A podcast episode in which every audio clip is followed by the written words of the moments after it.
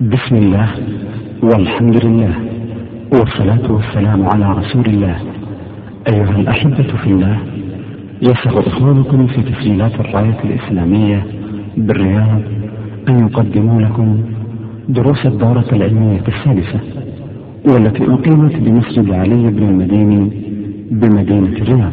ومع شرح اعتقاد السلف وأهل الحديث للإمام الصابوني رحمه الله تعالى. والذي قام بشرحه فضيلة الشيخ عبد العزيز بن عبد الله الراجعي. نسأله تعالى أن ينفع المسلمين بهذه الدروس وأن يجزي الشيخ خير الجزاء. والآن نترككم مع مادة هذا الشريط. الحمد لله رب العالمين وصلى الله وسلم وبارك على عبد الله ورسول نبينا وإمامنا وقدوتنا محمد بن عبد الله. عليه أفضل الصلاة وأتم التسليم. وعلى آله وأصحابه ومن تبعهم وسار على نهجهم إلى يوم الدين. أما بعد فإننا إن شاء الله بحول الله وقوته في هذه الدورة المباركة سوف نتكلم على نشرح عقيدة السلف. هذه الرسالة المسماة عقيدة السلف وأصحاب الحديث.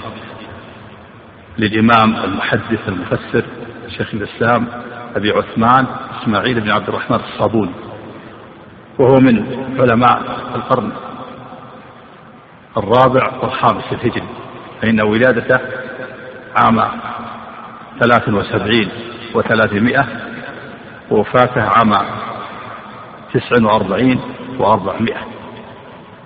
وهذه العقيدة عاملة شاملة.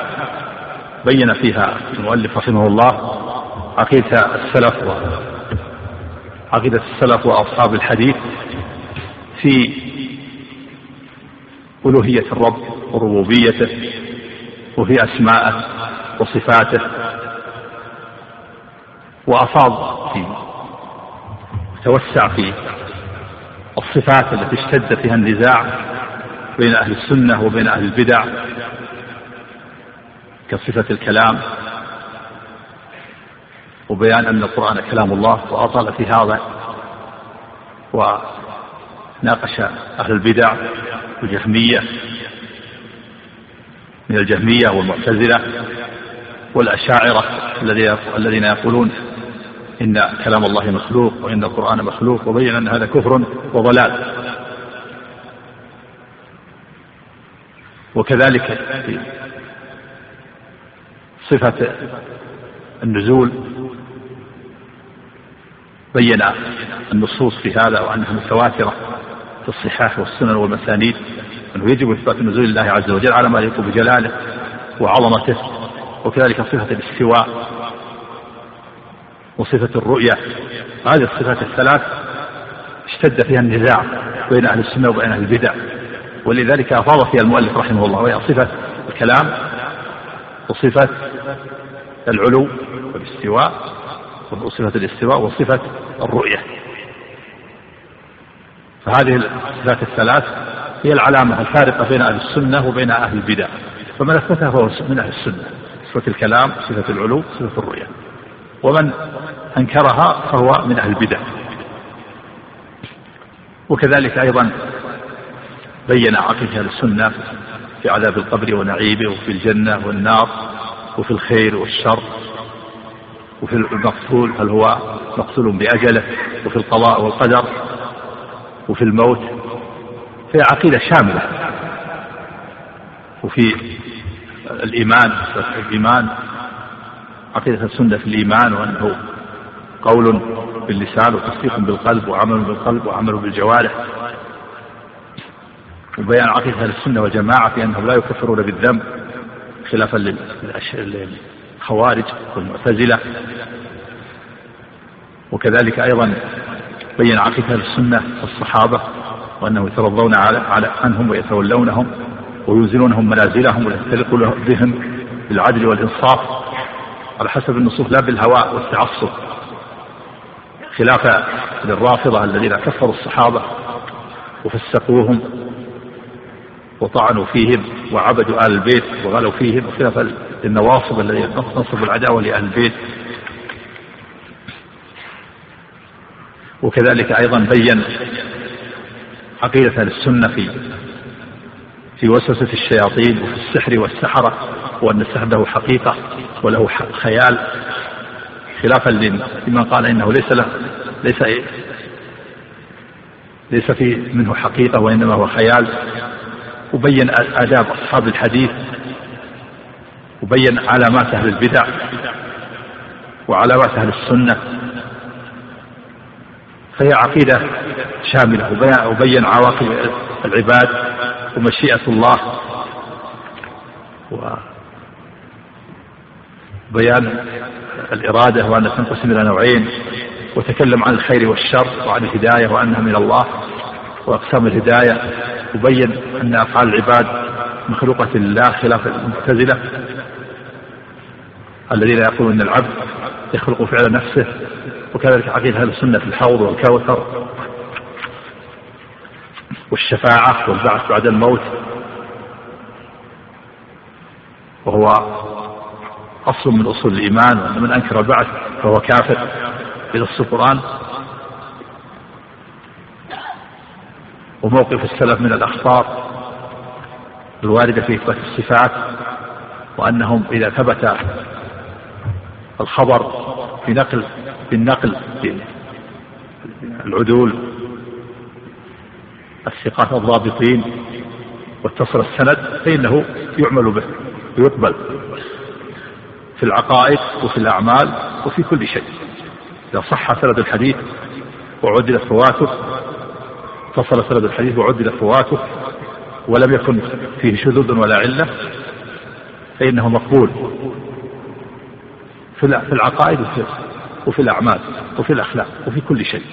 هذه عقيدة السنة والجماعة خلافا لأهل البدع الذين لا يقبلون أخبار الآحاد من المعتزلة وغيرهم الذين يقول لا نقبل خبر الآحاد في العقائد.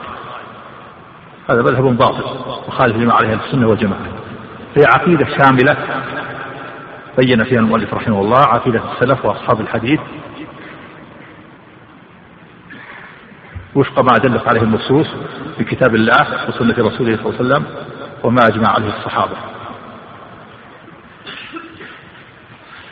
والآن نبدأ نقرأ نقرأ من ترجمة المصنف.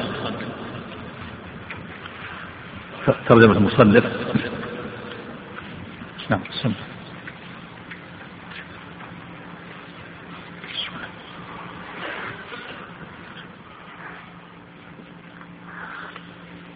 بسم الله الرحمن الرحيم. الحمد لله رب العالمين. صلى الله وسلم وبارك على نبينا محمد وعلى آله وصحبه أجمعين. أما بعد فنسبه رحمه الله هو أبو عثمان إسماعيل بن عبد الرحمن بن أحمد بن إسماعيل بن إبراهيم بن عامر بن عابد الصابوني النيسابوري الحافظ المفسر المحدث الفقيه الواعظ الملقب بشيخ الإسلام وأما لفظ الصابوني فقد ذكر السمعاني في كتاب الأنساب. السمعاني. ذكر السمعاني نعم. فقد ذكر السمعاني في كتاب الأنساب أنه نسبة إلى عمل الصابون وقال وبيت كبير بنيسابور الصابونية. هذا أي, أي طبعا عندك ما عنده ترجمة عنده ترجمة أخرى غير هذا. النسخة اللي عندها هذه. هذه دراسة. الدكتور ناصر الجديع ها؟ دراسة تحقيق الدكتور ناصر الجديع هذه عندنا أبو عبد الله نبيل بن سابق السبكي.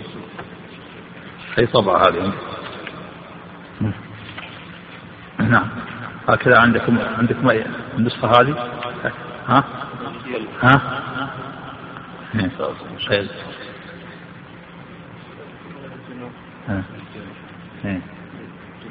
هذه طبعة جديدة. وهذه؟ على حسب الأكثر. الأكثر معكم أي أي نسخ طيب وصل عندك نعم وقال وبيت كبير بنيسابور الصابونية لعل بعض أجدادهم عمل الصابون فعرفوا به. وأما نسبه من جهة أمه فقد ذكر تاج الدين السبكي في طبقات الشافعية الكبرى. نقلا عن عبد الغافر الفارسي في كتابه السياق في ذيل تاريخ نيسابور أنه النسيب المعم مخول المدلي من جهة الأمومة إلى الحنفية والفضلية والسيسانية والقرشية والتميمية والمزنية والضبية من الشعب من الشعب النازلة إلى الشيخ أبي سعد يحيى بن منصور السلمي الزاهد الأكبر على ما هو مشهور من أنسابهم عند جماعة من العارفين بالأنساب لأنه أبو عثمان إسماعيل بن زين البيت ابنة الشيخ أبي سعد الزاهد بن أحمد بن مريم بنت أبي سعد الأكبر الزاهد. حياته رحمه الله. ولد في بوشنج من نواحي هرات في النصف, في النصف من, جما من جماد الآخرة. سنة ثلاث وسبعين وثلاثمائة من الهجرة. قال عبد الغافر الفارسي كان أبوه عبد الرحمن أبو نصر من كبار الواعظين بنيسابور ففتك به لأجل التعصب والمذهب وقتل وإسماعيل بعد حول سب بعد حول سبع سنين و و وأقعد بمجلس الوعظ مقام أبيه وحضر أئمة الوقت مجالسه وأخذ الإمام أبو الطيب سهل بن محمد الصعلوكي في تربيته وتهيئة أسبابه وكان يحضر مجالسه ويثني عليه. وكذلك سائر الأئمة كالأستاذ أبي إسحاق الإسكرايني والأستاذ الإمام أبي بكر بن فورك وسائر الأئمة كانوا يحضرون مجلس تذكيره ويتعجبون من كمال ذكائه وعقله وحسن إيراده الكلام عربيه وفارسيه وحفظه الأحاديث حتى كبر وبلغ مبلغ الرجال ولم يزل يرتفع شأنه حتى صار إلى ما صار إليه. وهو في جميع أوقاته مشتغل بكثرة العبادات ووظائف الطاعات. بالغ في العفاف والسداد وصيانة النفس معروف بحسن الصلاة وطول القنوت واستشعار الهيبة حتى كان يضرب به المثل. ووصفه عبد الغافر بأنه الإمام شيخ الإسلام الخطيب المفسر المحدث الواعظ أوحد وقته في طريقته وعظ المسلمين في مجالس التذكير سبعين سنة. وخطب وصلى في الجامع يعني بني سابور نحو من عشرين سنة. وقال كان أكثر أهل العصر من المشايخ سماعا وحفظا ونشرا لمسموعاته وتصنيفاته وجمعا وتحريضا على السماع وإقامة لمجالس الحديث. سمع الحديث بنيسابور وبسرخس وبهرات وبالشام وبالحجاز وبالجبال وحدث بكثير من البلاد وأكثر الناس وأكثر الناس السماع منه. وقد ذكر السيوطي والداودي في كتابيهما طبقات المفسرين وأوردا أنه أقام شهرا في تفسير آية وهذا يدل على سعة علمه في تفسير القرآن العظيم. وكان الصابوني رحمه الله يحترم الحديث ويهتم بالأسانيد. فقد حكى الفقيه أبو سعيد السكري عن بعض من يوثق بقوله من الصالحين أن الصابوني قال ما رويت خبرا ولا أثرا في المجلس إلا وعندي إسناده وما دخلت بيت الكتب قط إلا على طهارة وما رويت الحديث ولا عقدت المجلس ولا قعدت للتدريس إلا على طهارة. وكان رحمه الله ينظم الشعر أحيانا. قال عبد الغافر الفارسي من فضائله نظم الشعر على ما يليق بالعلماء من غير مبالغة في تعمق يلحق يلحقه بالمنهي. وهذا نموذج من شعره. قال رحمه الله ما لي أرى الدهر لا يسكو بذي كرم ولا يجود بمعوان ومفضال ولا أرى أحدا في الناس مشتريا حسن الثناء بإنعام وإفضال. صاروا سواسية في لؤمهم شرعا كأنما نسجوا فيه بمنوال. وقال رحمه الله إذا لم أصب من مالكم ونوالكم ولم أسل المعروف منكم ولا البر وكنتم عبيدا للذي أنا عبده فمن أجل ماذا أتعب البدن الحر؟ أسرته رحمه الله له رحمه الله ولدان هما عبد الله أبو نصر مات في حياة والده في بعض ثغور أذربيجان وهو متوجه إلى الحجاز للحج والآخر هو عبد الرحمن أبو بكر سمع أباه بنيسابور وسمع الحديث وأسمعه وعقد مجلس الإملاء وتولى القضاء بأذربيجان مات بأصبهان في حدود سنة خمسمائة.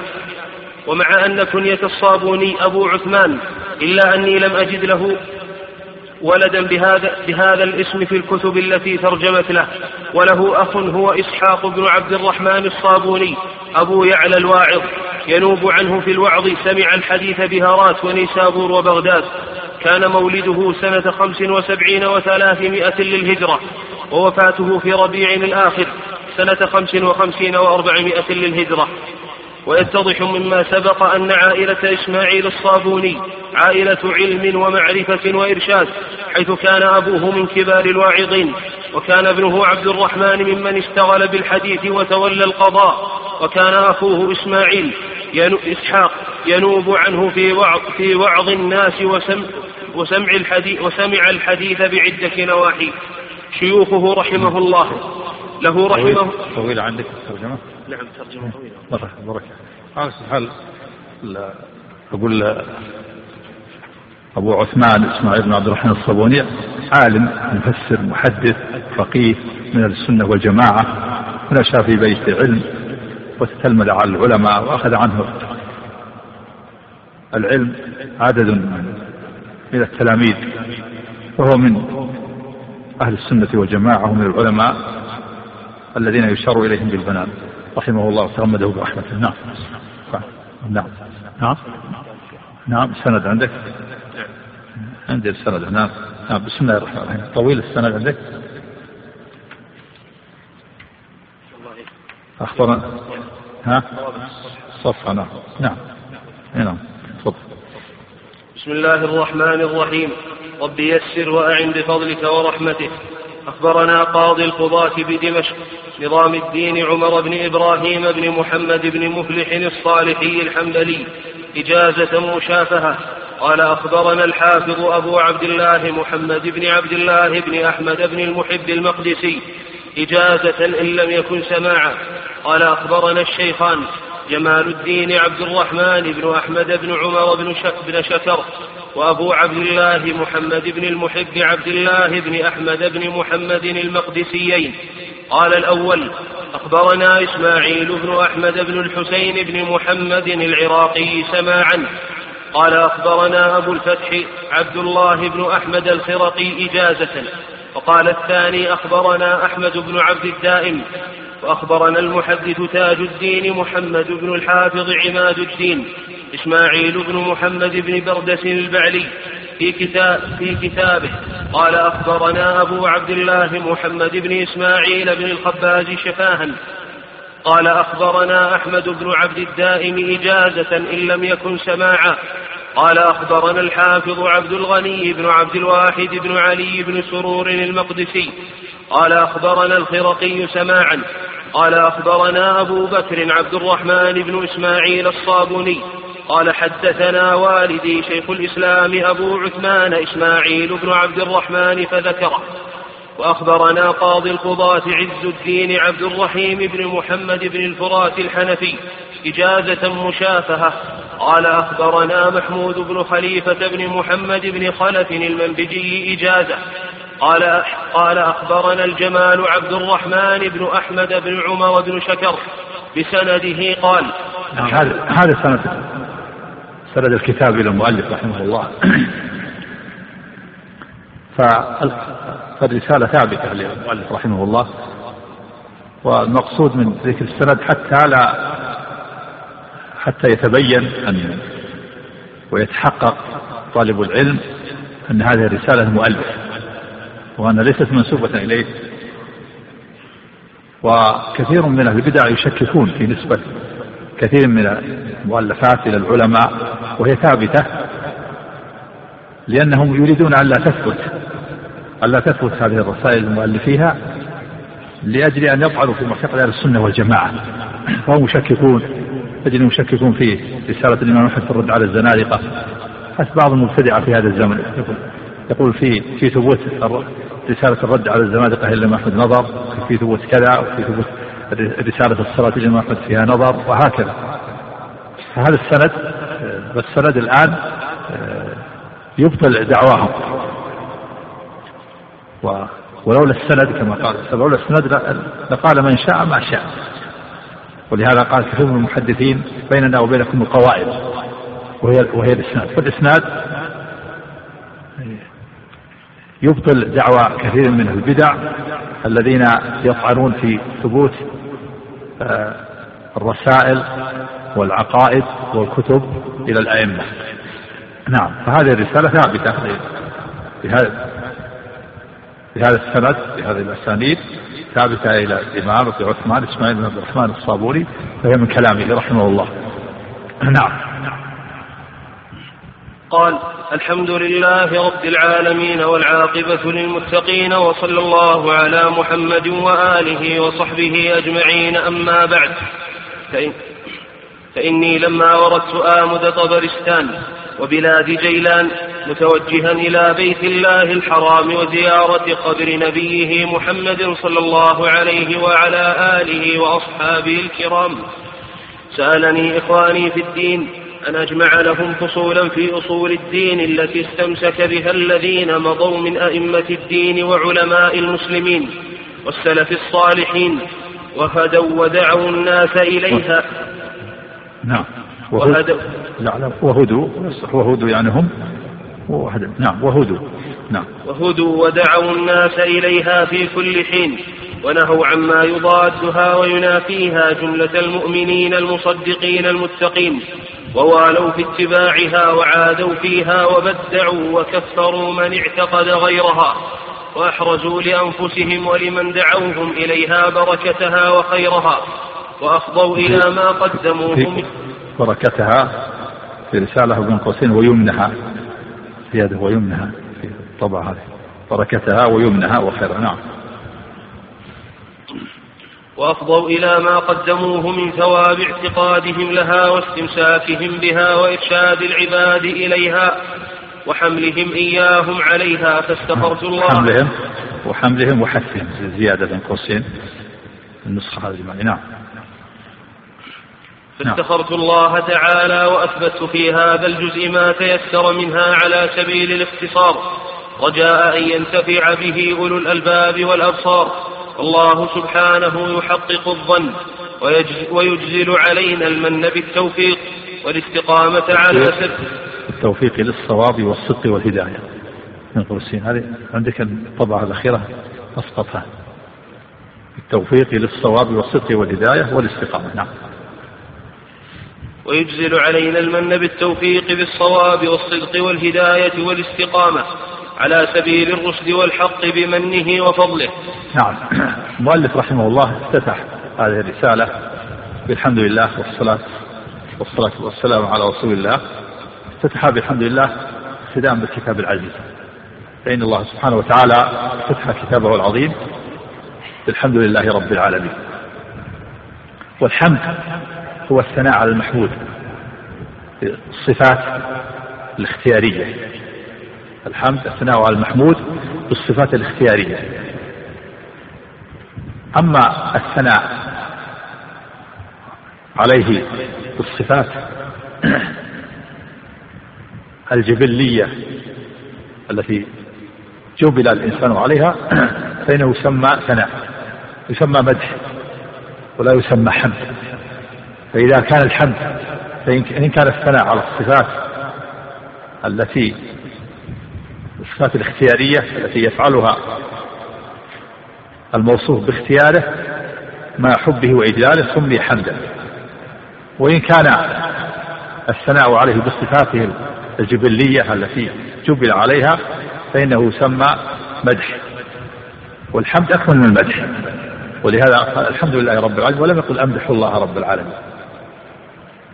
الحمد معناه هو الثناء على المحمود بصفاته الاختيارية مع حبه وإجلاله وتعظيمه فالله تعالى محمود محمود بصفاته لما له من الصفات العظيمة ولما له من الأسماء الحسنى ولما له من النعم العظيمة على عباده. هو الذي خلقهم ووجدهم من العدم وربهم بنعمه ومن على المؤمنين بالإسلام والإيمان. وهو محمود على صفاته العظيمة. ومحمود على أسمائه. فهو وهو سبحانه وتعالى المالك لجميع أنواع المحامد فأنواع المحامد بجميع أنواعها هي ملك لله. كلها ملك لله وهو مستحق لها سبحانه وتعالى. فله سبحانه وتعالى أنواع المحامد أنواع المحامد كلها لله ملكا واستحقاقا. بخلاف الثناء على على المحمود بالصفات التي جبل عليها كالأسد. إذا مدحته وقلت إنه قوي وإنه مفتول الساعدين وأنه قوي هذا يسمى مدح ولا يسمى حمد. لأن الأسد جبله الله وخلقه الله على هذا ليست هذه الصفات مجبول عليه كونه قوي وكونه يفترس غيره. فهذه القوة التي أعطاه الله جبل عليها جبل عليها. بخلاف الإنسان إذا مدحت قلت فلان كريم فلان محسن فلان يحسن إلى الناس فلان مقدام شجاع يقتل الأعداء فهذه صفات اختيارية يفعلها باختيارة يسمى هذا حمد. الحمد لله رب العالمين أثبت الربوبية لله الحمد لله. الحمد لله. ال للاستغراق؟ ال للاستغراق؟ أي أن الله تعالى له جميع أنواع المحامد كلها له سبحانه وتعالى وهو المالك لها وهو المستحق لها.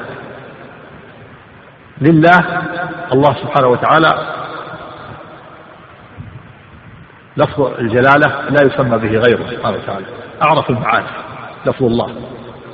والله معنى هو ذو الألوهية والعبودية على خلقه أجمعين الذي تأله القلوب محبة وإجلالا وتعظيما.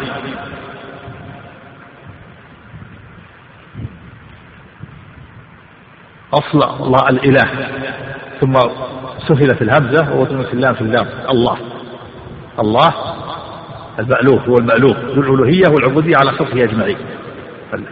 فالله الذي تألهه القلوب محبة وإجلالا وتعظيما فهو ذو الألوهية والعبودية على خلقه أجمعين. والله أعرف المعارف. لفظ الله أعرف المعارف. وتأتي أسماء الله كلها صفات الله كما قال سبحانه وتعالى يأتي بعدها أسماء الله وصفاته. هو الله الذي لا إله إلا هو عالم الغيب والشهادة هو الرحمن الرحيم. هو الله الذي لا إله إلا هو الملك القدوس السلام المؤمن المهيمن العزيز الجبار المتكبر سبحان الله عما يشركون هو الله الخالق البارئ المصور له الأسماء الحسنى لفظ الجلالة يأتي أولا ثم تأتي بعدها الأسماء والصفات. فأعرف المعارف لفظ الجلالة سبحانه وتعالى ولا يسمى به غيره سبحانه وتعالى. وأسماء الله نوعان.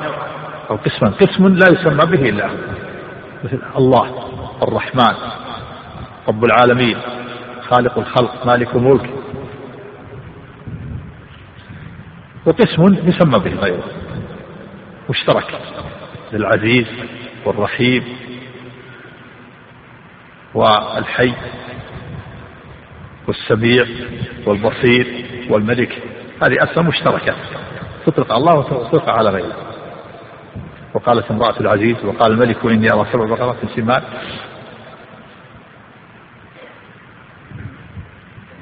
وأسماء الله مشتقة مشتملة على معاني. كل اسم مشتمل على صفة. فالله مشتمل على الألوهية. الرحمن صفة الرحمة مشتمل على صفة الرحمة. العليم صفة العلم. القدير صفة القدرة. وهكذا. أسماء الله مشتملة على المعاني على الصفات بخلاف الصفة. صفة العلم ما يشتق منها اسم قال له عالم. وإنما الأسماء مشتملة على الصفات مشتملة على المعاني. كل اسم مشتمل على الصفات. فهي مشتقة. رب العالمين يعني الرب رب العالمين خاص بالله عز وجل فهو رب العالمين. يعني مربي رب العالمين مربيهم بنعمه هو الذي أوجدهم من العدم وربهم بنعمه سبحانه وتعالى. فالله هو الرب وغيره المربوب وهو الخالق وغيره, المخلوق وهو المالك وغيره المملوك وهو المدبر وغير المدبر ورب العالمين والعالمين كل ما سوى الله كل ما سوى الله عالم والله تعالى رب المخلوقات كلها العالمين جميع ما سوى الله يسمى عالم وأنت واحد من ذلك العالم. فالله تعالى هو رب العالمين.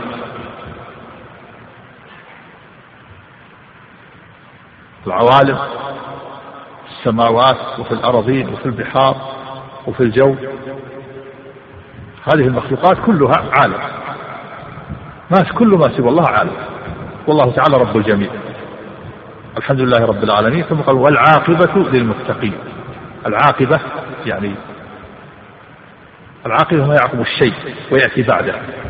والمتقين جمع متقي والمتقي هو الذي اتقى غضب الله وسخطه وناره بالإيمان والتوحيد. المتقون هم المؤمنون الموحدون. سموا متقين لأنهم اتقوا غضب الله وسخطه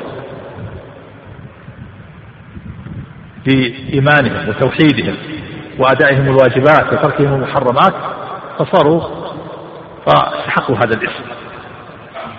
كما قال سبحانه في أول سورة البقرة هدى للمتقين ثم ذكر أوصافهم قال الذين يؤمنون بالغيب ويقيمون الصلاة ومما رزقناهم ينفقون والذين يؤمنون بما أنزل إليك وما أنزل من قبلك وبالآخرة هم يوقنون. أولئك على هدى من ربهم وأولئك هم المفلحون يقول المؤلف العاقبة للمتقين العاقبة الحميدة للمتقين. من اتقى الله ووحده وأخلص العبادة واتقى الشرك واتقى المحرمات وأدى الواجبات فالعاقبة الحميدة له. له في لهم في الدنيا النصر والغلبة والتأييد وفي الآخرة هم أهل الجنة هم أهل الجنة وأهل الكرامة الذين رضي الله عنهم وأسكنهم جنته وأحل عليهم رضوانه فالعاقبة الحميدة للمتقين. والمتقون هم موحدون. سموا متقين لأنهم اتقوا الشرك والمعاصي وأدوا الواجبات. فالعاقبة الحميدة لهم في الدنيا والآخرة. في الدنيا بالنصر والظفر والتأييد. وفي الآخرة في دخول الجنة والتنعم بذلك كرامته والحصول على رضا الله سبحانه وتعالى. ثم قال ثم بعد أن حمد المؤلف الله سبحانه وتعالى صلى على النبي فقال وصلى الله على محمد. الصلاة صلاة الله على عبده أحسن ما قيل في تفسيرها ما رواه البخاري في صحيح عن أبي العالية تبعي الجليل. قال صلاة الله على عبده ثناؤه عليه في الملأ الأعلى. ثناؤه عليه في الملأ الأعلى. فأنت تسأل الله صلى الله دعاء. أنت تدعو الله وتسأل الله أن يصلي على نبيه. أي يثني عليه في الملأ الأعلى تسأل ربك أن يثني عليه في الملأ. اللهم أثني على عبدك ورسولك محمد في الملأ الأعلى صلى الله على محمد يعني دعاء هذا دعاء. والسؤال لله أن يثني على عبده محمد في الملأ الأعلى الملائكة. وعلى آله. آله أتبعه على دينه. آله أتبعه على دينه. ويدخل في الآل ذريته وقرابته والمؤمنون وأزواجه والصحابة كلهم داخلون في الآل يدخل في آله أزواجه وذريته وأعمامه المؤمنون والصحابة. ويطلق الآل على على الذرية والأقارب. ويطلق ويشمل الأزواج ويشمل أيضا أتبعه على دينه إلى يوم القيامة. كل من تبعه على دينه فهو من آله عليه الصلاة والسلام. والصحابة يدخلون في ذلك دخول الأولين. ثم قال وأصحابه الكرام. عطف عطف الأصحاب على الأصحاب على الآل من عطف الخاص على العام. فالصحابة يصلى عليهم مرتين. المرة الأولى العموم في قوله على آله يدخل في النص أصحابه والمرة الثانية بالخصوص في قوله وأصحابه. فكأنك فكأن المؤلف صلى على الصحابة مرتين. المرة الأولى بقوله وعلى آله يعني يدخل في الآل الصحابة. والمرة الثانية بالخصوص في قوله وأصحابه الكرام يعني الذي اتصفوا بصفة الكرم والصحابة لا شك أنهم كرام أكرم الناس بعد الأنبياء. ومن كرمهم أنهم أنهم سبقوا إلى الإيمان بالله ورسوله والجهاد في سبيله وإنفاق أموالهم وبذلوا علمهم ونشروا دين الله وبذلوا أرواحهم رخيص في الجهاد في سبيل الله وبذلوا أموالهم وإنفاق في سبيل الله. في أعظم هذا الكرم الصحابة أكرم الناس بعد الأنبياء وعلى آله وأصحابه الكرام رضي الله عنهم وأرضاهم. ثم قال المؤلف رحمه الله أما بعد. أما بعد هذه كلمة يؤتى بها للدخول في الموضوع الذي يريد أن يتكلم الإنسان فيه. يؤتى بها للدخول في الموضوع. لتفصل ما ما بين السابق واللاحق كان المؤلف انتقل من الخطبة إلى الدخول في صلب الموضوع. أما بعد. وكان النبي صلى الله عليه وسلم يقول أما بعد في خطبه كثيرا. ثبت عنه صلى الله عليه وسلم أنه كان يقول يوم الجمعة. أما بعد. فإن خير الحديث كتاب الله. وخير الهدي هدي محمد صلى الله عليه وسلم وشر الأمور محدثاتها. اختلف في أول من قال أما بعد. فقيل أول من قالها داود عليه الصلاة والسلام. وقيل إنها من فصل الخطاب الذي أوتيه داود عليه الصلاة والسلام. وقيل أول من قالها قصة بن ساعدة الإيادي وعلى كل حال فأما بعد كان النبي صلى الله عليه وسلم يستعملها في خطبه وفي رسائله. من ذلك لما أنه عليه الصلاة والسلام لما كتب لملك الروم قال محمد رسول الله إلى هرقل عظيم الروم أما بعد. السلام على من يتبع الهدى أما بعد. أسلم تسلم. يؤتك الله أجرك مرتين. وإن توليت فإنما عليك إثم الأريسيين ويا أهل الكتاب تعالوا إلى كلمة سواء بيننا وبينكم ألا نعبد إلا الله ولا نشرك به شيئا. إلى آخر الآية. فالنبي صلى الله عليه وسلم كان يأتي بها في خطبه وفي رسائله. أما بعد.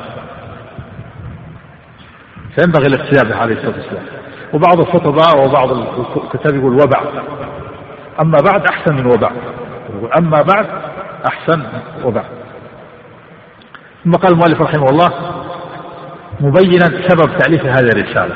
قال فإني لما وردت آمر طبرستان وبلاد جيلان متوجها إلى بيت الله الحرام وزيارة قبر نبيه صلى الله عليه وسلم وأصحابه الكرام سألني إخواني في الدين أن أجمع لهم فصولا في أصول الدين. هذا سبب تأليف الرسالة. سبب تأليف الرسالة يقول المؤلف رحمه الله لما ورد عامد طبرستان وبلاد جيلان وكان متوجها إلى بيت الله الحرام سأله بعض الإخوان أن يجمع لهم فصولا في أصول الدين. فأجابهم إلى سؤاله فإذا هذه الرسالة جواب لسؤال. جواب عن سؤال. السؤال موجه من من؟ السؤال موجه من من بعض الإخوان بعض الإخوان في الدين وجهوا إلى المؤلف أبي عثمان إسماعيل بن عبد الرحمن الصابوني وجه إليه بعض إخوانه في الدين سؤالا وقالوا له وطلبوا منه أن يجمع لهم فصولا أن يجمع لهم فصولا في أصول الدين التي استمسك بها أئمة الدين وعلماء المسلمين. فأجابهم وكتب هذه الرسالة. أجابهم إلى سؤال. فإذا سبب تأليف هذه الرسالة أنها جواب لسؤال. جواب لسؤال وجه المؤلف. والذي وجه السؤال إلى المؤلف عدد من الإخوان. بعض الإخوان لم يبينه المؤلف بعض الإخوان بعض إخوانه وجهوا إليه سؤال وطلبوا منه أن يجمع لهم فصولا في أصول الدين التي استمسك بها أئمة الدين وعلماء المسلمين. فكتب هذه الرسالة رحمه الله. رسالة طويلة وبين فيها معتقد أهل السنة والجماعة في ألوهية الله وفي ربوبيته وفي أسمائه وفي صفاته وفي الإيمان وفي الجنة وفي النار وفي البعث بعد الموت وفي الصحابة وفي الخير والشر إلى غير ذلك. أما قول المؤلف رحمه الله متوجها إلى بيت الله الحرام وزيارة قبر نبيه محمد صلى الله عليه وسلم. فهذا مما يلاحظ المؤلف رحمه الله قول وزيارة قبره. فإنه لا يشرع شد الرحل إلى زيارة قبر النبي صلى الله عليه وسلم. لا يشرع السفر إلى زيارة القبر بهذه النية. وإنما يشرع المشروع أن يشد الرحل وأن ينوي السفر لزيارة مسجد النبي صلى الله عليه وسلم. ثم إذا وصل إلى مسجد النبي صلى الله عليه وسلم وصلى في ركعتين زار قبر النبي صلى الله عليه وسلم وقبر صاحبيه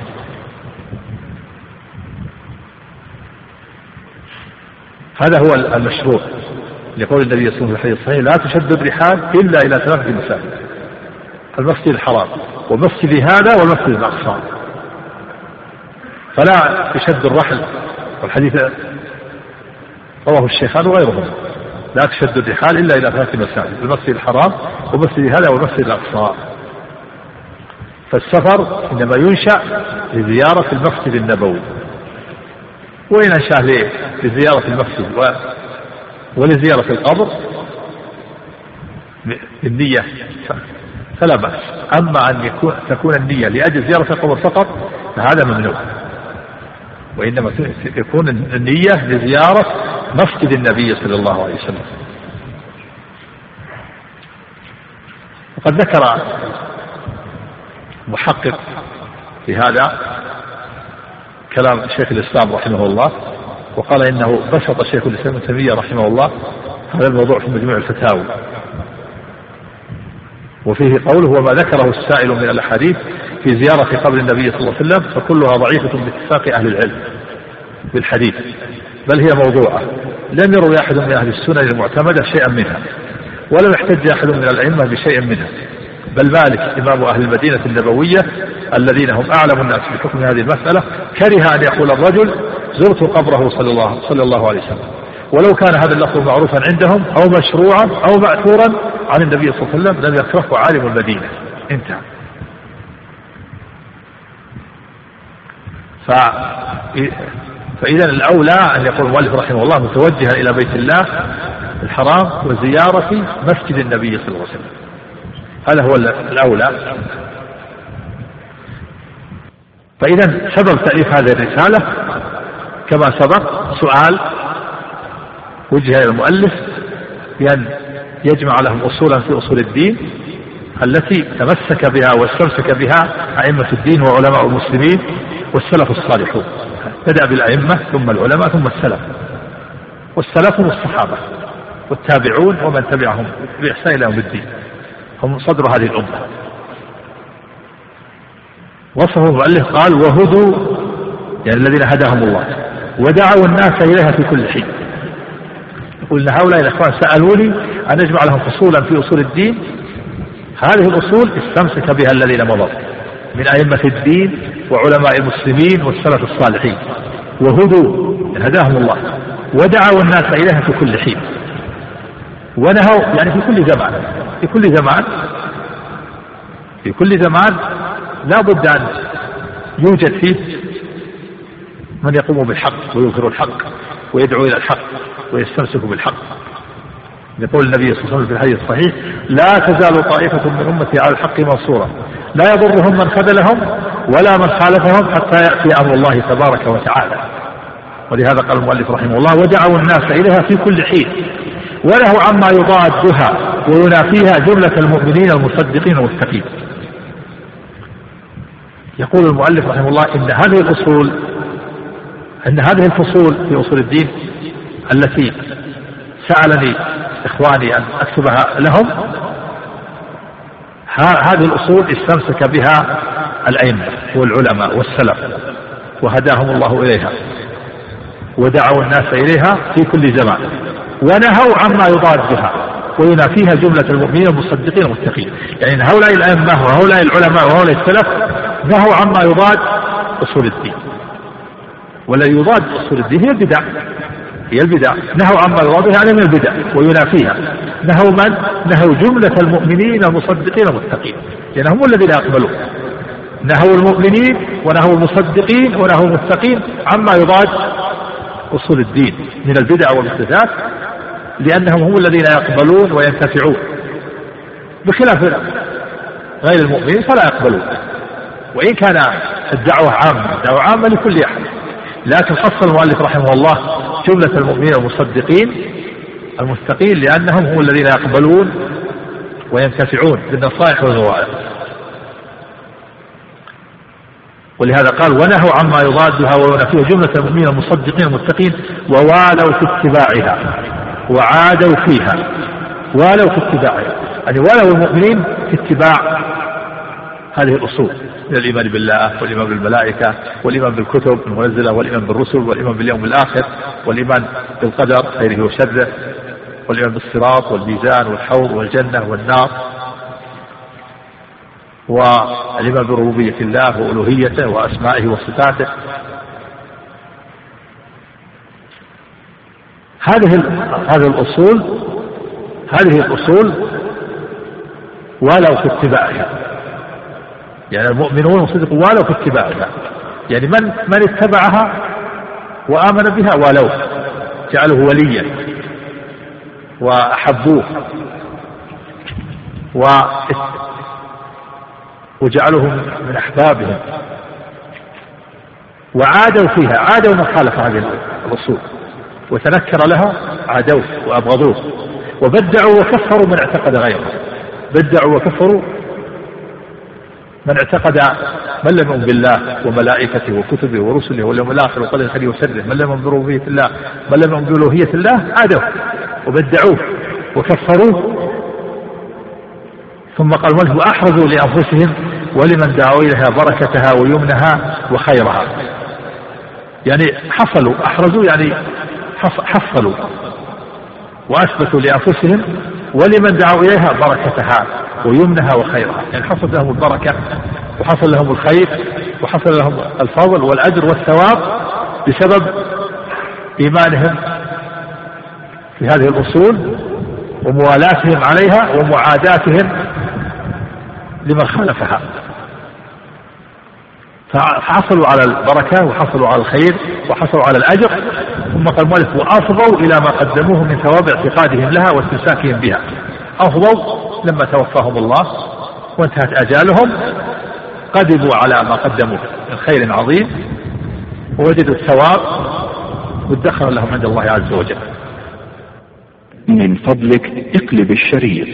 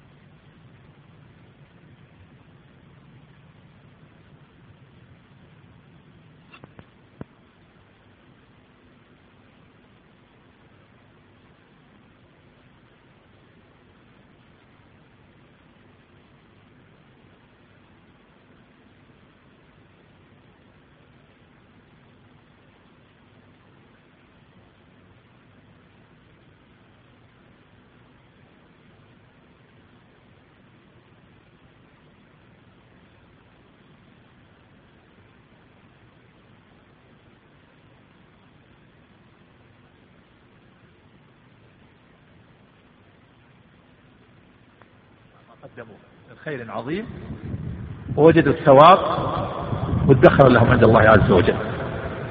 وجدوا وجدوا ثواب اعتقادهم لها واستمساكهم بها وإرشاد العباد إليها وجدوه. لأنهم حينما دعوا إلى إلى هذا الخير وانتفع الناس بهم صار لهم مثل وجودهم يقول النبي صلى الله عليه وسلم من دعا إلى هدى كان له من الخير مثل وجود من تبعه. لا ينقص ذلك من أجورهم شيء فهؤلاء العلماء وهؤلاء الأئمة وهؤلاء السلف الذين دعوا إلى الأصول هذه أصول الدين ودعوا إلى الإيمان بما ثبت في كتاب الله وسنة رسوله صلى الله عليه وسلم مما يجب اعتقاده الإيمان بالله وملائكته وكتبه ورسله واليوم الآخر والقدر خيره وشره حصلت لهم بركة هذه الدعوة وخيرها. وأفضوا إلى ما قدموه من ثواب اعتقادهم لها واستمساكهم بها وإرشاد العباد إليها. حصل لهم مثل أجورهم مثل أجور من أرشدوه وانتفع بإرشادهم ودعوتهم. ولهذا قال المحلف رحمه الله وإرشاد العباد إليها وحملهم وحثهم إياهم عليها. فاستخرت الله تعالى وأثبت في هذا الجزء ما تيسر منها على سبيل الاختصار. يقول المؤلف رحمه الله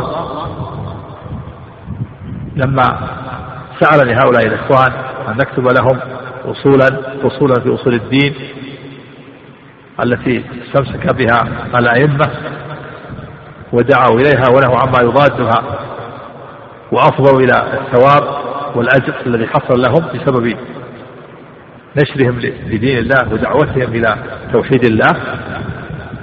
استخرت الله. فالاستخارة مشروعة في الأمور التي قد يشكل فيها يكون فيها إشكال. الاستخارة مشروعة. النبي صلى الله عليه وسلم شرع الاستخارة. وقال إذا هم أحدكم معنى الحديث أنه إذا هم إذا كان لأحدكم أمر أو معنى فليصلي ركعتين من غير الفريضة ثم ليدعو. فيقول اللهم إني أستخيرك بعلمك وأستقدرك من قدرتك وأسألك من فضلك العظيم. فالاستخارة مشروعة في الأمور التي في الأمر التي يكون فيها إشكال. أما الأمور الواضحة فلا فليس فيها استخارة. لا تستخير تصلي الجماعة أو ما تصلي. ما تستخير في صوم رمضان ما تستخير في دفع الزكاة ما تستخير في الحج. إلا يقال العلماء إلا إذا كان الحج الطريق ليس آمن فهو يستخير هل يحج هذا العام أو لا يحج. لكن الأمور اللي فيها إشكال تستخير تستخير الله أن تتزوج من من آل فلان تستخير الله أن تدخل في هذه التجارة مع فلان. لا بأس. المؤلف رحمه الله استخار. هل الكتابة الآن فيها فيها إشكال حتى يستخير؟ كونه يكتب عقيدة عقيدة أهل السنة والجماعة هل فيها إشكال؟ قال فاستخرت الله تعالى.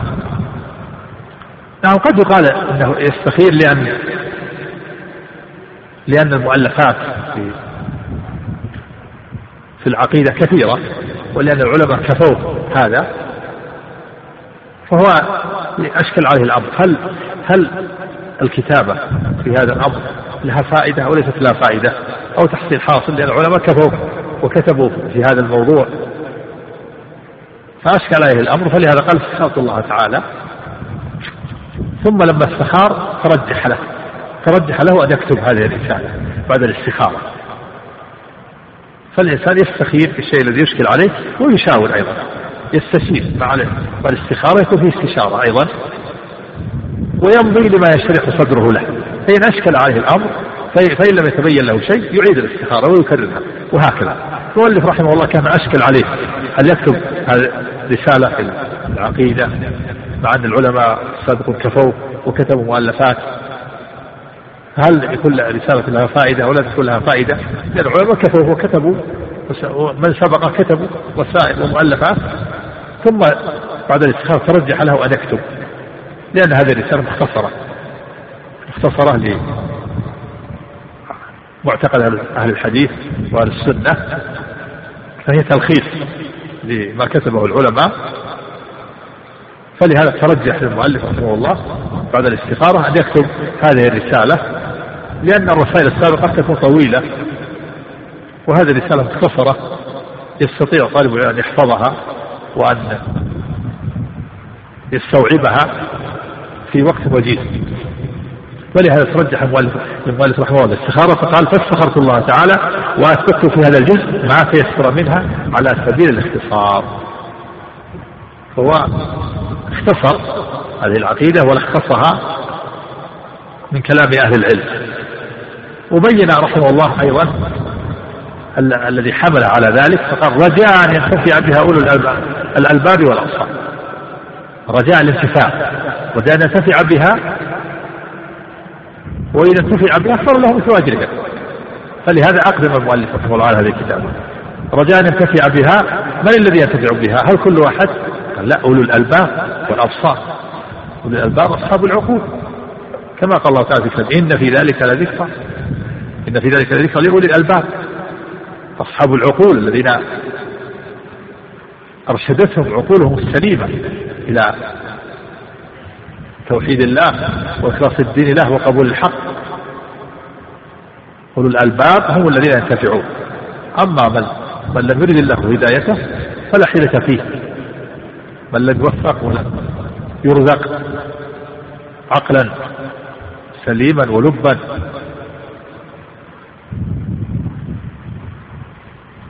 لبا من الألباب التي ترشده الذي يرشده إلى قبول الحق.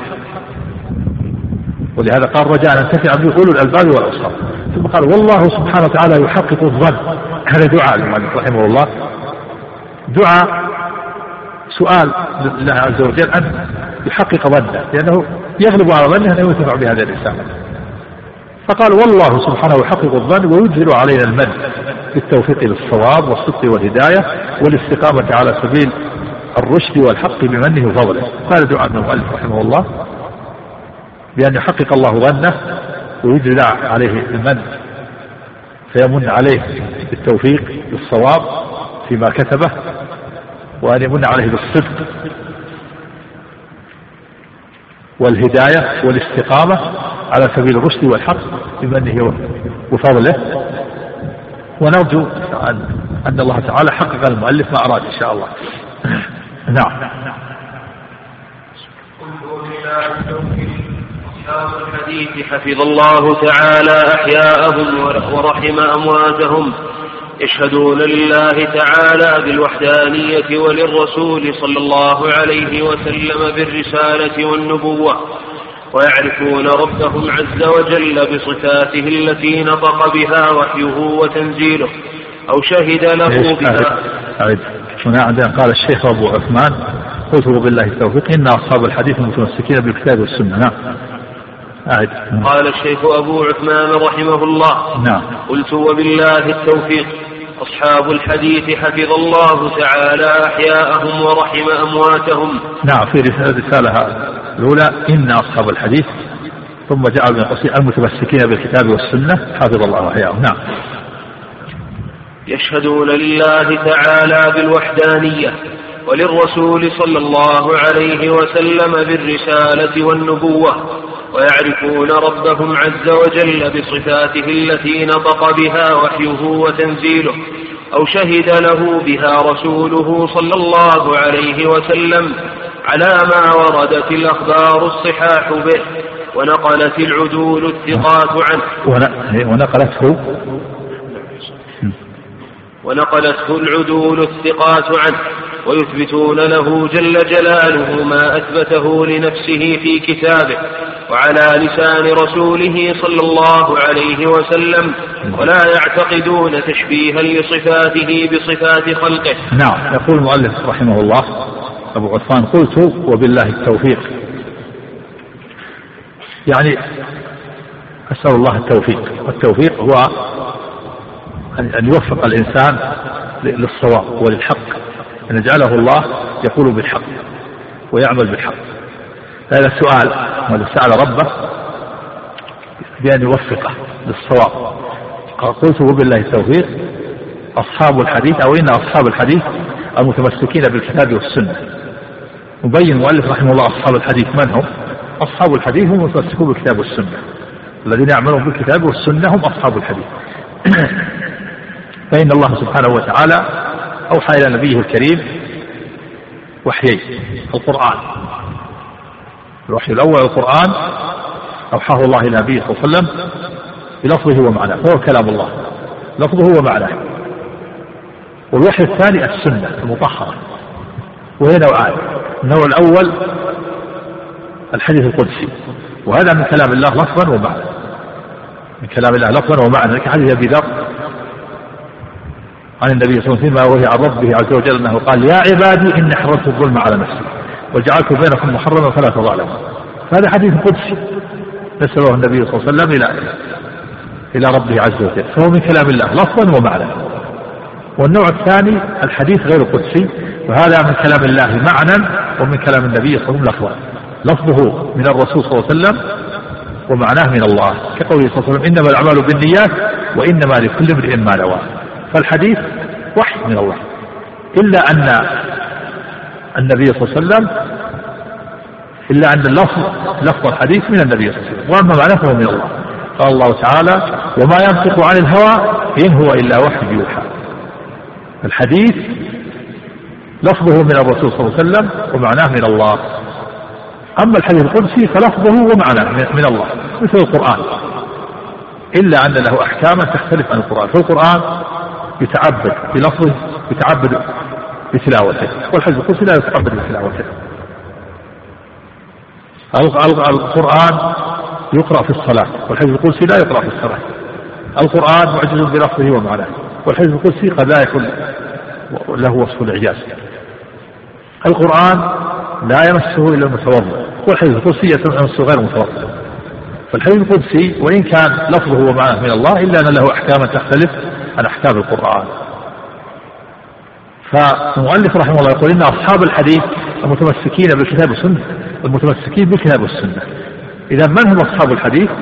هم الذين يعملون بالقرآن والسنة. والسنة تفسر القرآن وتوضحه وتبين وتقيد مطلقة وتخصص عموما.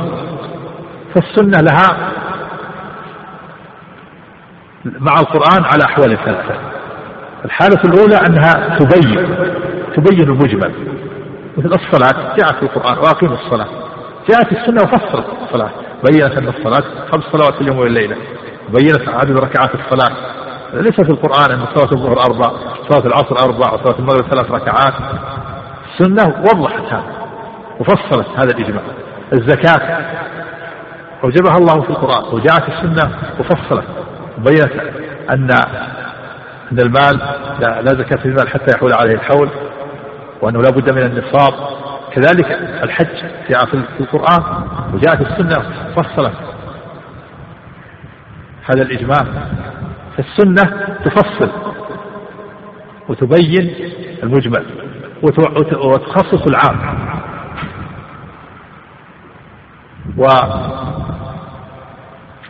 وكذلك تقيد المطلق. فهي تأتي تبين فالسنة لها مع القرآن أحوال ثلاثة الحالة الأولى تبين المجمل الحالة الثانية تبين تقيد المطلق وتخصص العام الحالة الثانية تأتي بأحكام جديدة ليست في القرآن. كتحريم كل ذي ناب من السباع وتحريم كل ذي مخلب من الطير وتحريم الجمع بين المرأة وعمتها والجمع بين المرأة وخالتها. هذه أحكام ليست في القرآن. جاءت فيها السنة. السنة وحدتان قال النبي صلى الله عليه وسلم ألا إني أوتيت القرآن ومثله معه فأصحاب الحديث هم الذين يعملون بالقرآن والسنة. هم أصحاب الحديث المتمسكين بالكتاب والسنة. دعا لهم عليه قال حفظ الله أحياءهم ورحم أمواتهم. هذا دعاء من المؤلف لأهل الحديث. دعا لهم بأن يحفظ الله الأحياء ويرحم الأموات. ما هي عقيدتهم؟ قال المؤلف رحمه الله عقيدتهم يشهدون لله تعالى بالوحدانية وللرسول صلى الله عليه وسلم بالرسالة والنبوة. هذا أصل الدين وأساس الملة أصل الدين وأساس الملة أن تشهد لله تعالى بالوحدانية وتشهد لنبيه صلى الله عليه وسلم بالرسالة والنبوة. وهذا هو معنى شهادة أن لا إله إلا الله وشهادة أن محمد رسول الله. أصل الدين وأساس الملة أن تشهد لله تعالى بالوحدانية.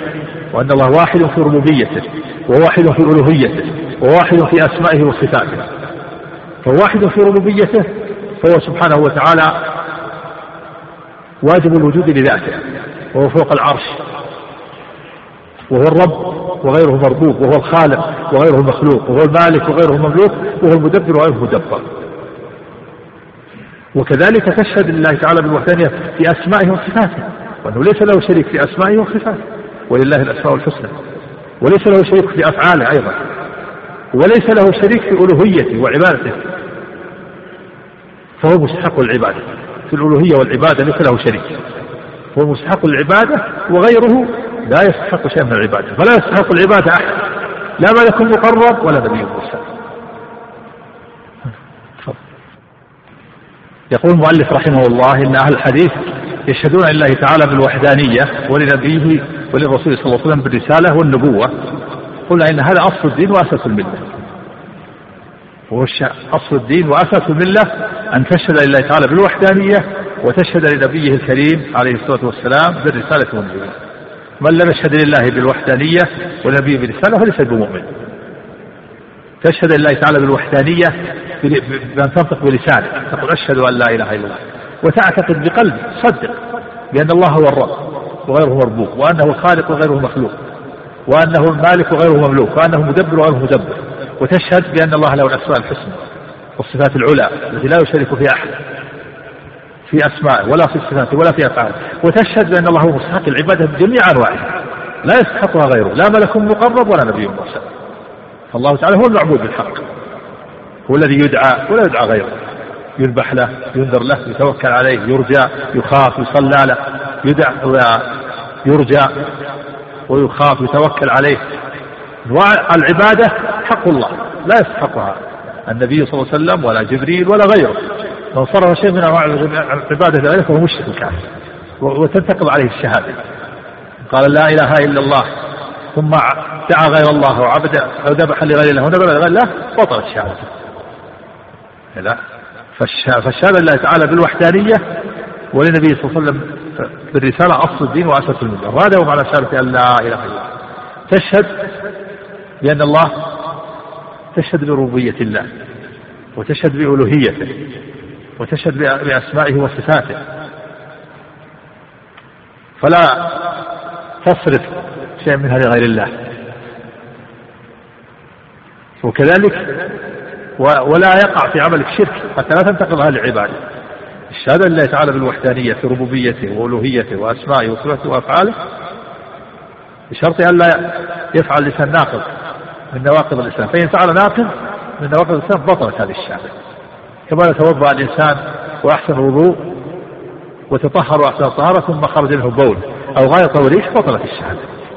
بطل بطلت بطلت الطهارة. فكذلك إذا شهد الله تعالى بالوحدانية ثم دعا غير الله أو ذبح لغير الله أو فعل ناقضا من نواقض الإسلام بأن اعتقد أن الصلاة غير واجبة أو الحج غير واجب أو الصوم غير واجب أو اعتقد أن الزنا غير ليس بمحرم أو الربا غير محرم أنكر تحريم الربا أو تحريم الزنا أو تحريم الخمر أو تحريم عقوق الوالدين ما هو معلوم من الدين بالضرورة؟ بطلت الشهادة وانتقضت فأصل الدين وأساس الله أن تشهد لله تعالى بالوحدانية. وتشهد لنبيه صلى الله عليه وسلم بالرسالة والنبوة. تشهد أن محمد بن عبد الله بن عبد المطلب بن هاشم القرشي العربي المكي ثم المدني هو رسول الله حقا وأنه خاتم النبيين.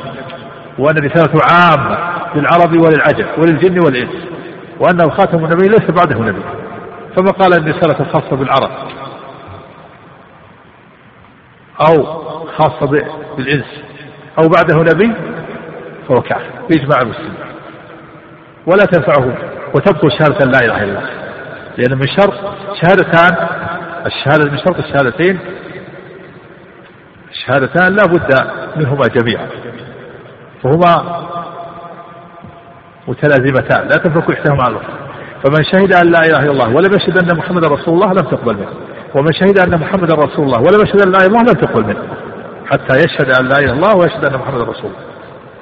فمن قال إن محمد عليه الصلاة بعده نبي أو ليست رسالته عامة ما تنفع رسالة لا إله إلا الله. ما تنفع. لأنها لأنه لم يأتي بشرطها ولذلك لما أنكر اليهود رسالة محمد صلى الله عليه وسلم اليهود والنصارى. وهم يزعمون أنهم مؤمنون بالله بين الله أنه أن إيمانهم لاغي وأنه لا قيمة له. فقال سبحانه قاتلوا الذين لا يؤمنون بالله ولا باليوم الآخر ولا يحرمون ما حرم الله ورسوله ولا يدينون دين الحق من الذين أوتوا الكتاب حتى يقول جزء عن يدهم صحوه فنفى عنهم الإيمان فقال لا يؤمنون بالله وهم يزعمون أنهم يؤمنون بالله. لكن لما لم يؤمنوا بمحمد صلى الله عليه وسلم نفى الله الإيمان عنهم. فالشهادتان متلازمتان. لا تنفك إحداهما عن الأخرى. فمن شهد أن لا إله إلا الله ولم يشهد أن محمدا رسول الله لم تقبل منه. ومن شهد أن محمدا رسول الله ولم يشهد أن لا إله إلا الله لم تقبل منه. حتى يشهد أن لا إله إلا الله ويشهد أن محمدا رسول الله.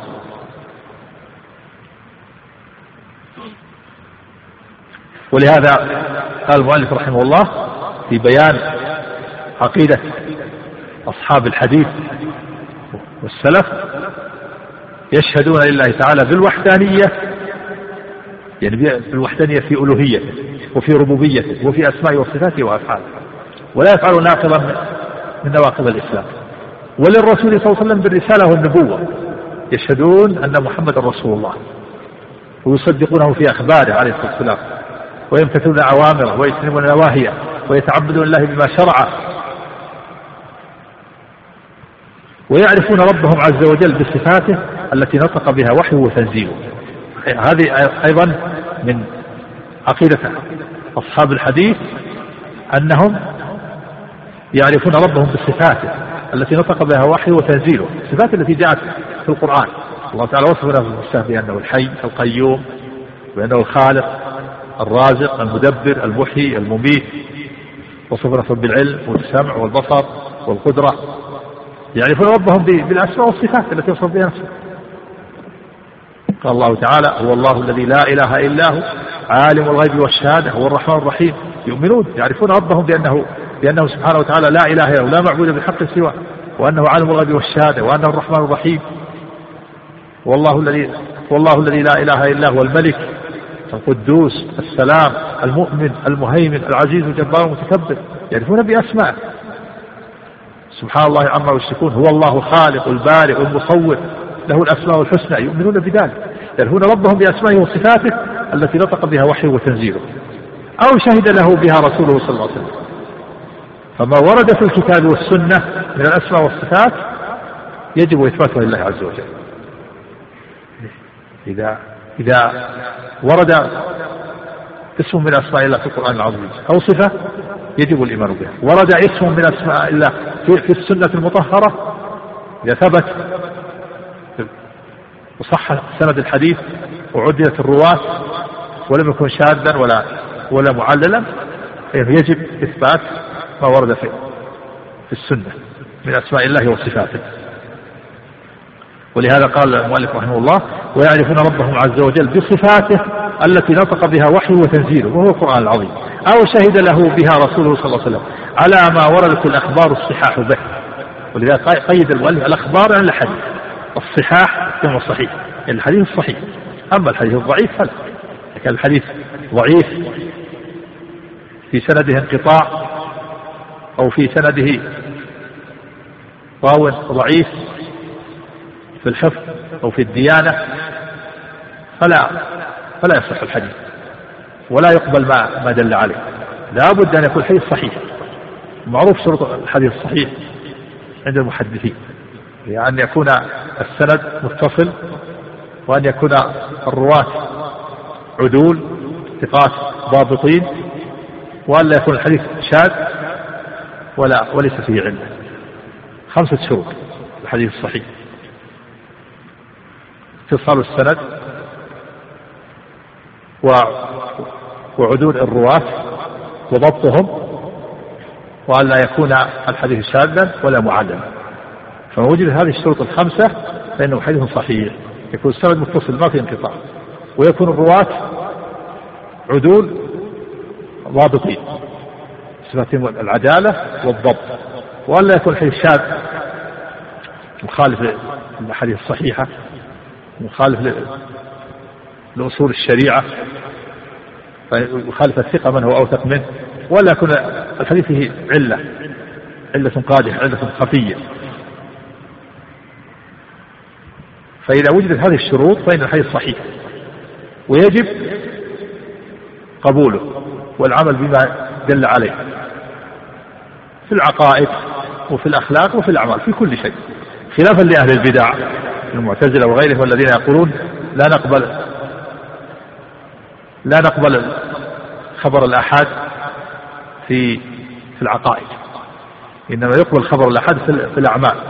أما العقائد فلا فلا يقبل فيها أخبار الأحد. هذا باطل. هذا منهج باطل. السنة والجماعة يقبلون ما دل عليه الحديث الصحيح. إذا صح السند وكان الرواة عدولا ضابطين ولم يكن الحديث شاذا ولا معللا فإنه يجب قبوله في العقائد وفي الأعمال وفي الأخلاق وفي كل شيء. ولهذا بوب ابن القيم رحمه الله في صحيحه باب ثم باب أخبار الآحاد وذكر نصوص كثيرة في قبول خبر الآحاد والنبي صلى الله عليه وسلم يرسل كتبه إلى الملوك والرؤساء والذي يرسله واحد. ومع ذلك يقبل خبر الواحد ولهذا قال المؤلف رحمه الله ويعرفون ربهم عز وجل بصفاته التي نطق بها وحيه وتنزيله أو شهد له بها رسوله صلى الله عليه وسلم على ما وردت الأخبار الصحاح به ونقلته العدول الثقات عنه. هكذا قيد المؤلف رحمه الله. لابد أن يكون الخبر صحيح ونقله العدول الثقات الضابطون. ويثبتون له جل جلاله منها ما أثبته ما أثبت لنفسه في كتابه وعلى لسان رسوله صلى الله عليه وسلم. هكذا أهل السنة يثبتون لله عز وجل ما ثبت ما أثبت لنفسه في كتابه العزيز من الأسماء والصفات أو ما ثبت في سنة النبي صلى الله عليه وسلم على لسان رسول الله صلى الله عليه وسلم. كما سبق. كما مثل الآيات والله خالق البارئ المصور هو الله الذي لا إله إلا هو الملك القدوس. مثل ما ورد فيه إن الله جميل ويحب الجمال. وهكذا إن الله حي ستير. من أسماء الله الستير وهكذا. فما ورد ما ثبت في الحديث مثل ما ثبت في القرآن الكريم مثل ما ورد في القرآن الكريم إذا كان الحديث صحيح. ولا يعتقدون تشبيها لصفاته بصفات خلقه. هكذا أهل السنة يثبتون الأسماء وصفات الله ولا يشبهون ولا يمثلون. كما قال سبحانه عن نفسه ليس كمثله شيء وهو السميع البصير. فالصفات والأسماء ثابتة لله على يليق بجلاله وعظمته. لا يماثل واحدا من خلقه. لا ي... أهل السنة لا يكيفون لا يقولون صفة الله كيفية وكذا ولا يمثلون ولا يقولون مثل صفات المخلوقين. بل يثبتون الأسماء والصفات ويثبتون المعنى ويفوضون الكيفية إلى الله. كما قال الإمام مالك رحمه الله لما سئل عن الاستواء فقال الاستواء معلوم. يعني معلوم معناه في اللغة العربية. الاستواء هو الاستقرار والصعود والعلو والارتفاع. والكيف مجهول؟ كيفية استواء الله على عرشه؟ هذا مجهول لا نعلم. والإيمان به واجب يجب الإيمان بالاستواء. والسؤال وهو بدعة. وهذا يقال في جميع الأسماء والصفات. النزول والاستواء والعلو والسمع والبصر كلها المعنى معلوم. معلوم معنى في اللغة العربية. نعرف أن العلم ضد الجهل السمع ضد الصمع البصر ضد العمى العلو ضد السفول. الاستواء فسر بأربع تفسيرات الاستقرار والعلو والصعود والارتفاع. أما كيفية استواء الرب كيفية علوه كيفية سمع وبصره لا يعلمه إلا الله. هذا معنى قول الإمام مالك الاستواء معلوم والكيف مجهول والإيمان به واجب والسؤال عنه بدعة. ولعل نقف عند هذا عند هذا الحد. ونسأل الله الجميع التوفيق والسداد والعلم النافع والعمل الصالح. صلى الله على محمد وآله وصحبه وسلم. في أسئلة تفضل. إلى الأسئلة الآن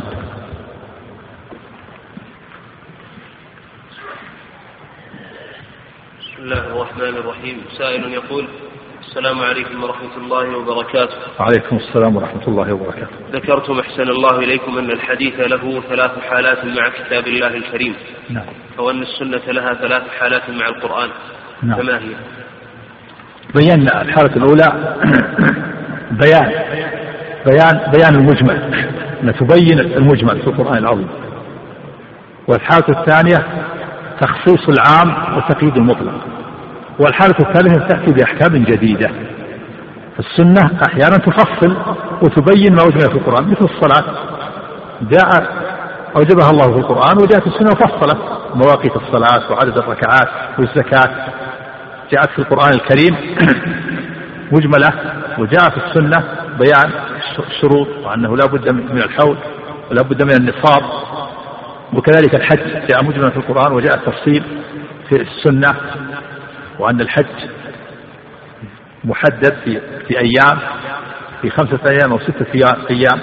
وهي الثامن والتاسع والعاشر والحادي عشر والثاني عشر والثالث عشر من الحجة. وكذلك أيضا فصلت السنة الطواف طواف الإفاضة وطواف الوداع والوقوف بعرفة والمبيت بمنى ورمي الجمار كل هذا جاء في السنة. وكذلك أيضا تأتي السنة تقيد المطلق إذا كان مطلق تأتي السنة وتأتي بقيد تقيد. أو كان عاما يأتي السنة ما يخصصه. والحادثة تأتي بأحكام جديدة ليست في القرآن مثل ما ذكرت. تحريم كل ذي ناب من السباع وتحريم كل ذي مخلب من الطير وتحريم الجمع بين المرأة وعمتها وتحريم الجمع بين المرأة وخالتها في النكاح. هذه أحكام في السنة وليست في القرآن. نعم. يقول السائل ما معنى الخلق عيال الله حيث ذكرتم أن الله تعالى هو الذي يربي العالمين بنعمه؟ نعم. بمعنى أنه سبحانه وتعالى يربيهم يربيه سبحانه وتعالى بنعمه هو الذي خلقهم ووجدهم من العدم ورباهم نعم نعم. يقول السائل هل على طالب العلم القراءة عن الملل والنحل وما ترتيبه في الطلب؟ قراءة الملل والنحل هذا فيه تفصيل. إذا كان طالب طالب علم مبتدئ فلا ينبغي له قراءة الملل والنحل. لأن الملل جمع ملة وهي الدين والنحل جمع نحلة إذا وهي الفرقة. فإذا قرأ الفرق فرق المبتدعة وشبههم وقد يتشكك يحصل له بلبلة في فكره. ولا ينبغي للمبتدئ أن يقرأ في الملل والنحل. لكن إذا كان الإنسان طالب علم متوسع فلا بأس أن يقرأ الملل والنحل لأجل اجتناب شبههم ولأجل الرد عليهم. لا بأس. أما المبتدئ فلا فلا ينصح بقراءة الملل والنحل وإنما يقرأ في كتب التوحيد. كتب أهل السنة والجماعة ولا أقرأ كتب الملل والنحل لئلا تشوش عليه ولئلا يحصل له تشويش تشكيك وبلبلة. نعم. يقول السائل من هم الآل عند الشيعة؟ الشيعة يقصدون الآل يقصدون بهم آه، يعني ذريته. وقد يقصرونها على علي وفاطمة والحسن والحسين. وبعضهم يدخل العباس وبعضهم لا يدخل. هذا قد يطلق الآل كما سبق. له معاني يطلق على الأزواج والذرية. وأتباعه على دينه ويطلق على أتباعه على دينه إلى إلى يوم القيامة. نعم.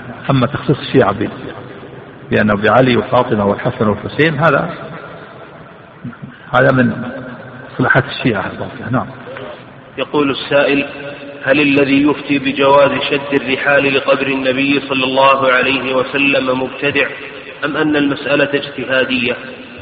لا هذه المسألة فيها حصل فيها نزاع امتحن فيها شيخ الإسلام أبو العباس بن تيمية رحمه الله وأوذي والصواب مع شيخ الإسلام. والدليل الحديث لا تشد الرحال إلا إلى ثلاث مساجد. هذا هو الصواب أنه لا يشد الإنسان السفر لا يسافر لمكان يتعبد فيه إلا في هذه إلا في هذه المواضع الثلاثة المسجد الحرام ومسجد النبي صلى الله عليه وسلم والمسجد الأقصى. نعم. ولهذا لما رحل أبو هريرة إلى جبل الطور أنكر عليه أبو بكر الغفاري قال قال لو علمت ما ما سافرت إلى جبل الطور. نعم. يقول السائل ما الضابط في كون الاسم خاص بالله عز وجل أو في كونه مشتركا مشتركا؟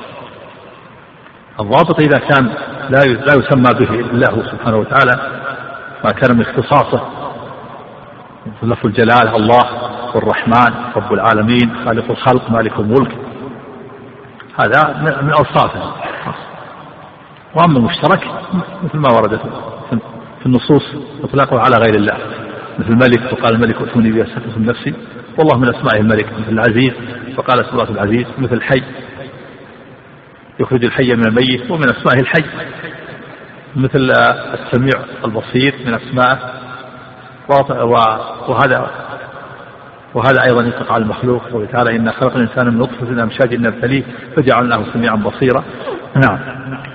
يقول ذكرتم حفظكم الله أن الحديث القدسي لفظا ومعنى من الله جل وعلا. فهل نزل به جبريل عليه الصلاة والسلام كالقرآن أم هو نوع آخر من أنواع الوحي؟ نعم. أو مثل القرآن. وحي من الله لفظه ومعناه. مثل القرآن إلا أن له أحكاما تختلف. وأما غير الحديث القدسي فلفظه من النبي صلى الله عليه وسلم ومعناه من الله. ولو قرأتم في كتب أصول التفسير الإدخال السوطي وغيره تجدون يقول أن القرآن الحديث لفظه المعنى من الله فقط كما يقولون في القرآن لأن هذا على مذهب الأشاعرة. الأشاعرة يقولون الكلام معناه إن إن القرآن لم ليس كلام الله حرفه ومعناه لكن المعنى يقولون من الله القرآن أو كلام الله اسم للمعنى القائم بنفس الرأي. يقول الله تعالى اضطر جبريل ففهم المعنى القائم بنفسه فعبر بالقرآن. فهذا القرآن لفظه ومعناه هذا القرآن تكلم به جبريل أو تكلم به محمد. وأما القرآن كلام الله فهو معنى قائم من نفسه. ويقول أن القرآن الذي نقرأه ليس كلام الله وإنما هو عبارة عن كلام الله. وهذا من أفضل الباطل وبعض الأشاعرة يقول إن جبريل أخذ من اللوح المحفوظ. وبعضهم يقول إن إن جبريل إن القرآن عبر به محمد وبعضهم يقول عبر به جبريل. وهذا كله كلام باطل. والصواب أن القرآن لفظه ومعناه من الله. الله تعالى تكلم به. وسمعه جبرائيل ونزل به على قلب محمد صلى الله عليه وسلم. كما قال الله تعالى نزل به القرآن نزل به الروح الأمين على قلبك لتكون من المنذرين. بلسان عربي مبين. نعم. يقول السائل يقول بعض المبتدعة أنه يجوز إدخال القبر في المسجد ويقيسون ذلك على المسجد النبوي. إيش؟ يقول بعض المبتدعة نعم. أنه يجوز إدخال القبر ودفن الميت في المسجد ويقيسون ذلك على المسجد النبوي فما الرد على مثل هؤلاء؟ هذا لا هؤلاء وثنيون يريدون إحياء الوثنية ليقول أنه يجوز دفن الميت في القبر وفي المسجد هذا لا يجوز أبدا ولا يجوز إبقاء القبر في المسجد والحكم للأغلب فإن كان المسجد هو الأول ثم دفن فيه الميت فإنه يجب نبش القبر ودفنه في في في في مقابر المسلمين. وإن كان السابق هو القبر وبني عليه المسجد يجب هدم المسجد في مكان آخر ويبنى في مكان آخر. أما النبي صلى الله عليه وسلم فإنه لم يدفن في مسجده ولم يبنى مسجده على على قبره لا هذا ولا هذا. الرسول صلى الله عليه وسلم ما دفن في المسجد وإنما دفن في بيته والبيت خارج المسجد ومسجد النبي صلى الله عليه وسلم ما بني على قبره بناه في حياته ولكن الوليد بن عبد الملك لما أراد أن يوسع المسجد وسع المسجد وأدخل البيت كامل. بل أدخل حجرات النبي صلى الله عليه وسلم كلها. وهذا خطأ. فكون الوليد أخطأ وأدخل وأدخل البيت كامل. بل حجرات بيوت أزواج النبي صلى الله عليه وسلم كلها أدخلها هذا خطأ منه. ولا يقال ان إن النبي صلى الله عليه وسلم دفن في مسجد ولا ان ولا أن مسجده بني على قبره لا هذا ولا هذا. المحذور أن يدفن الميت في القبر أو يبنى المسجد على القبر.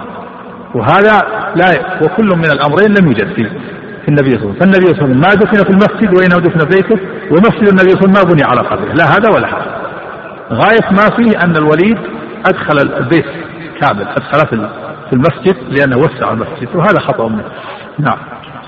يقول هل يصح تشريك النية في زيارة المسجد النبوي وزيارة القبر معا؟ لو لو لو شرك لا بأس لكن المحذور أن تتمحض النية في زيارة القبر هذا ممنوع. لكن الأولى أن تكون النية لزيارة مسجد النبي صلى الله عليه وسلم ثم بعد ذلك تأتي الزيارة. نعم. يقول السائل هل يقال أن صفة الرمي من صفات الله لقوله وما رميت إذ رميت ولكن الله رمى يعني هذا خبر. هذا من باب الخبر. هذا من باب الخبر. وباب الخبر أوسع من باب الصفات. أخبر الله عن نبيه عن نفسه أنه رمى. هذا من باب الخبر. يخبر عن الله بأنه موجود وبأنه ذات وبأنه شيء بأنه شخص. لا شخص ولا يقال من أسماء الذات ولا الموجود ولا ولا الشيء. قل أي شيء أكبر الشهادة قل الله شيء بينه وبينكم. فباب الخبر أوسع من باب الصفات. نعم. السؤال الأخير يقول السائل لوحظ في هذه الأيام كثرة طلاب العلم ولله الحمد والمنة. ولكن يلاحظ مع ذلك قلة الدعوة والأمر بالمعروف والنهي عن المنكر. فهل من تعليق لكم وفقكم الله؟ نعم يجب على طلبة العلم أن يكونوا آمرين بالمعروف ونهين عن المنكر. طلبة العلم أولى الناس بهذا. والله تعالى بين أن الخيرية لهذه الأمة إنما حصلت بذلك. قال سبحانه كنتم خير أمة أخرجت للناس تأمرون بالمعروف وتنهون عن المنكر وتؤمنون بالله. فالخيرية إنما حصلت في هذه الأمور. الخيرية حصلت في هذه الأمور الثلاثة. بالإيمان بالله وبالأمر بالمعروف والنهي عن المنكر. ف... فمن عمل بهذه الصفات من طبقت هذه الصفات حصلت له الخيرية. ومن فاتت هذه الصفات فاتت الخيرية. الخيرية ما حصلت إلا بهذا كنتم خير أمة أخرجت الناس تأمرون بالمعروف وتنهون عن المنكر وتؤمنون بالله. قال سبحانه ولتكن منكم أمة يدعون إلى الخير ويأمرون بالمعروف وينهون عن المنكر وأولئك هم المفلحون الأمر من الله. أن تكون أمة منتصبة لهذا الأمر في القيام بالمعروف والنهي عن المنكر. قال سبحانه في وصف المؤمنين والمؤمنون والمؤمنات.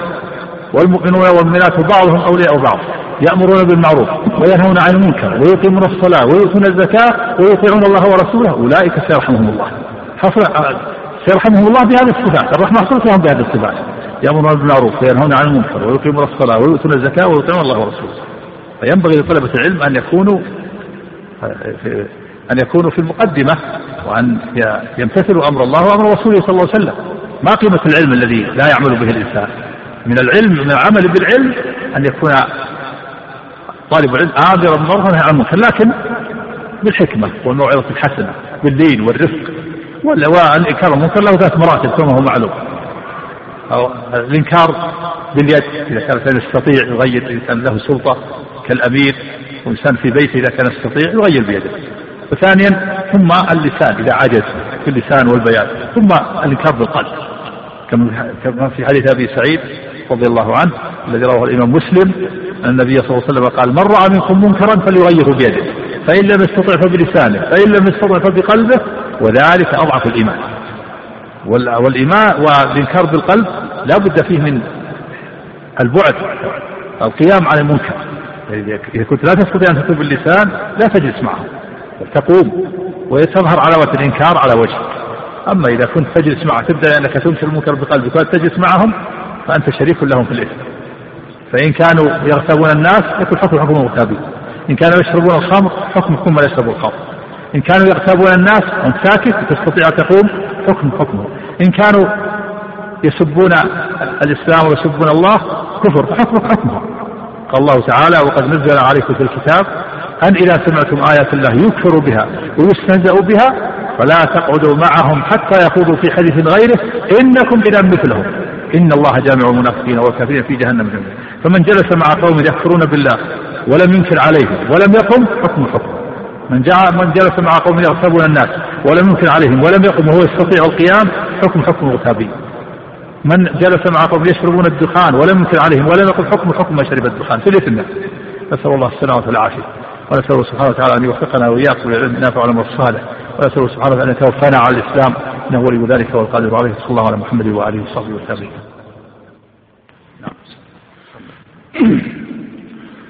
بسم الله الرحمن الرحيم. الحمد لله رب العالمين والصلاة والسلام على رسول الله. وعلى آله وأصحابه وسلم تسليما كثيرا. أما بعد قال الإمام الصابوني رحمه الله تعالى ولا يعتقدون تشبيها لصفاته بصفات خلقه فيقولون إنه خلق آدم بيديه كما نص سبحانه بيديه في نسخة بيده. في نسخة بيده. فيقولون إنه خلق آدم بيديه كما نص سبحانه عليه في قوله عز من قائل. قال يا إبليس ما منعك أن تسجد لما خلقت بيدي؟ ولا يحرفون الكلم عن مواضعه بحمل اليدين على النعمتين أو القوتين أو القوتين أو القوتين تحريف المعتزلة الجهمية تحريف المعتزلة الجهمية. والجهمية.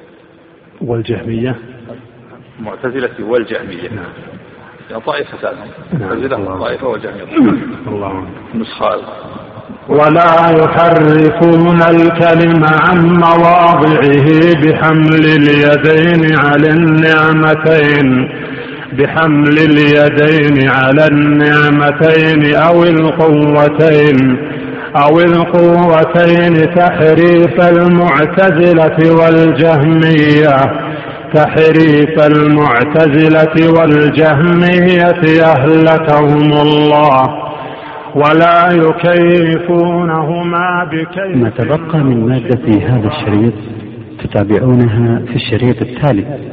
مع تحيات إخوانكم في تسجيلات الراية الإسلامية بالرياض والسلام عليكم ورحمة الله وبركاته.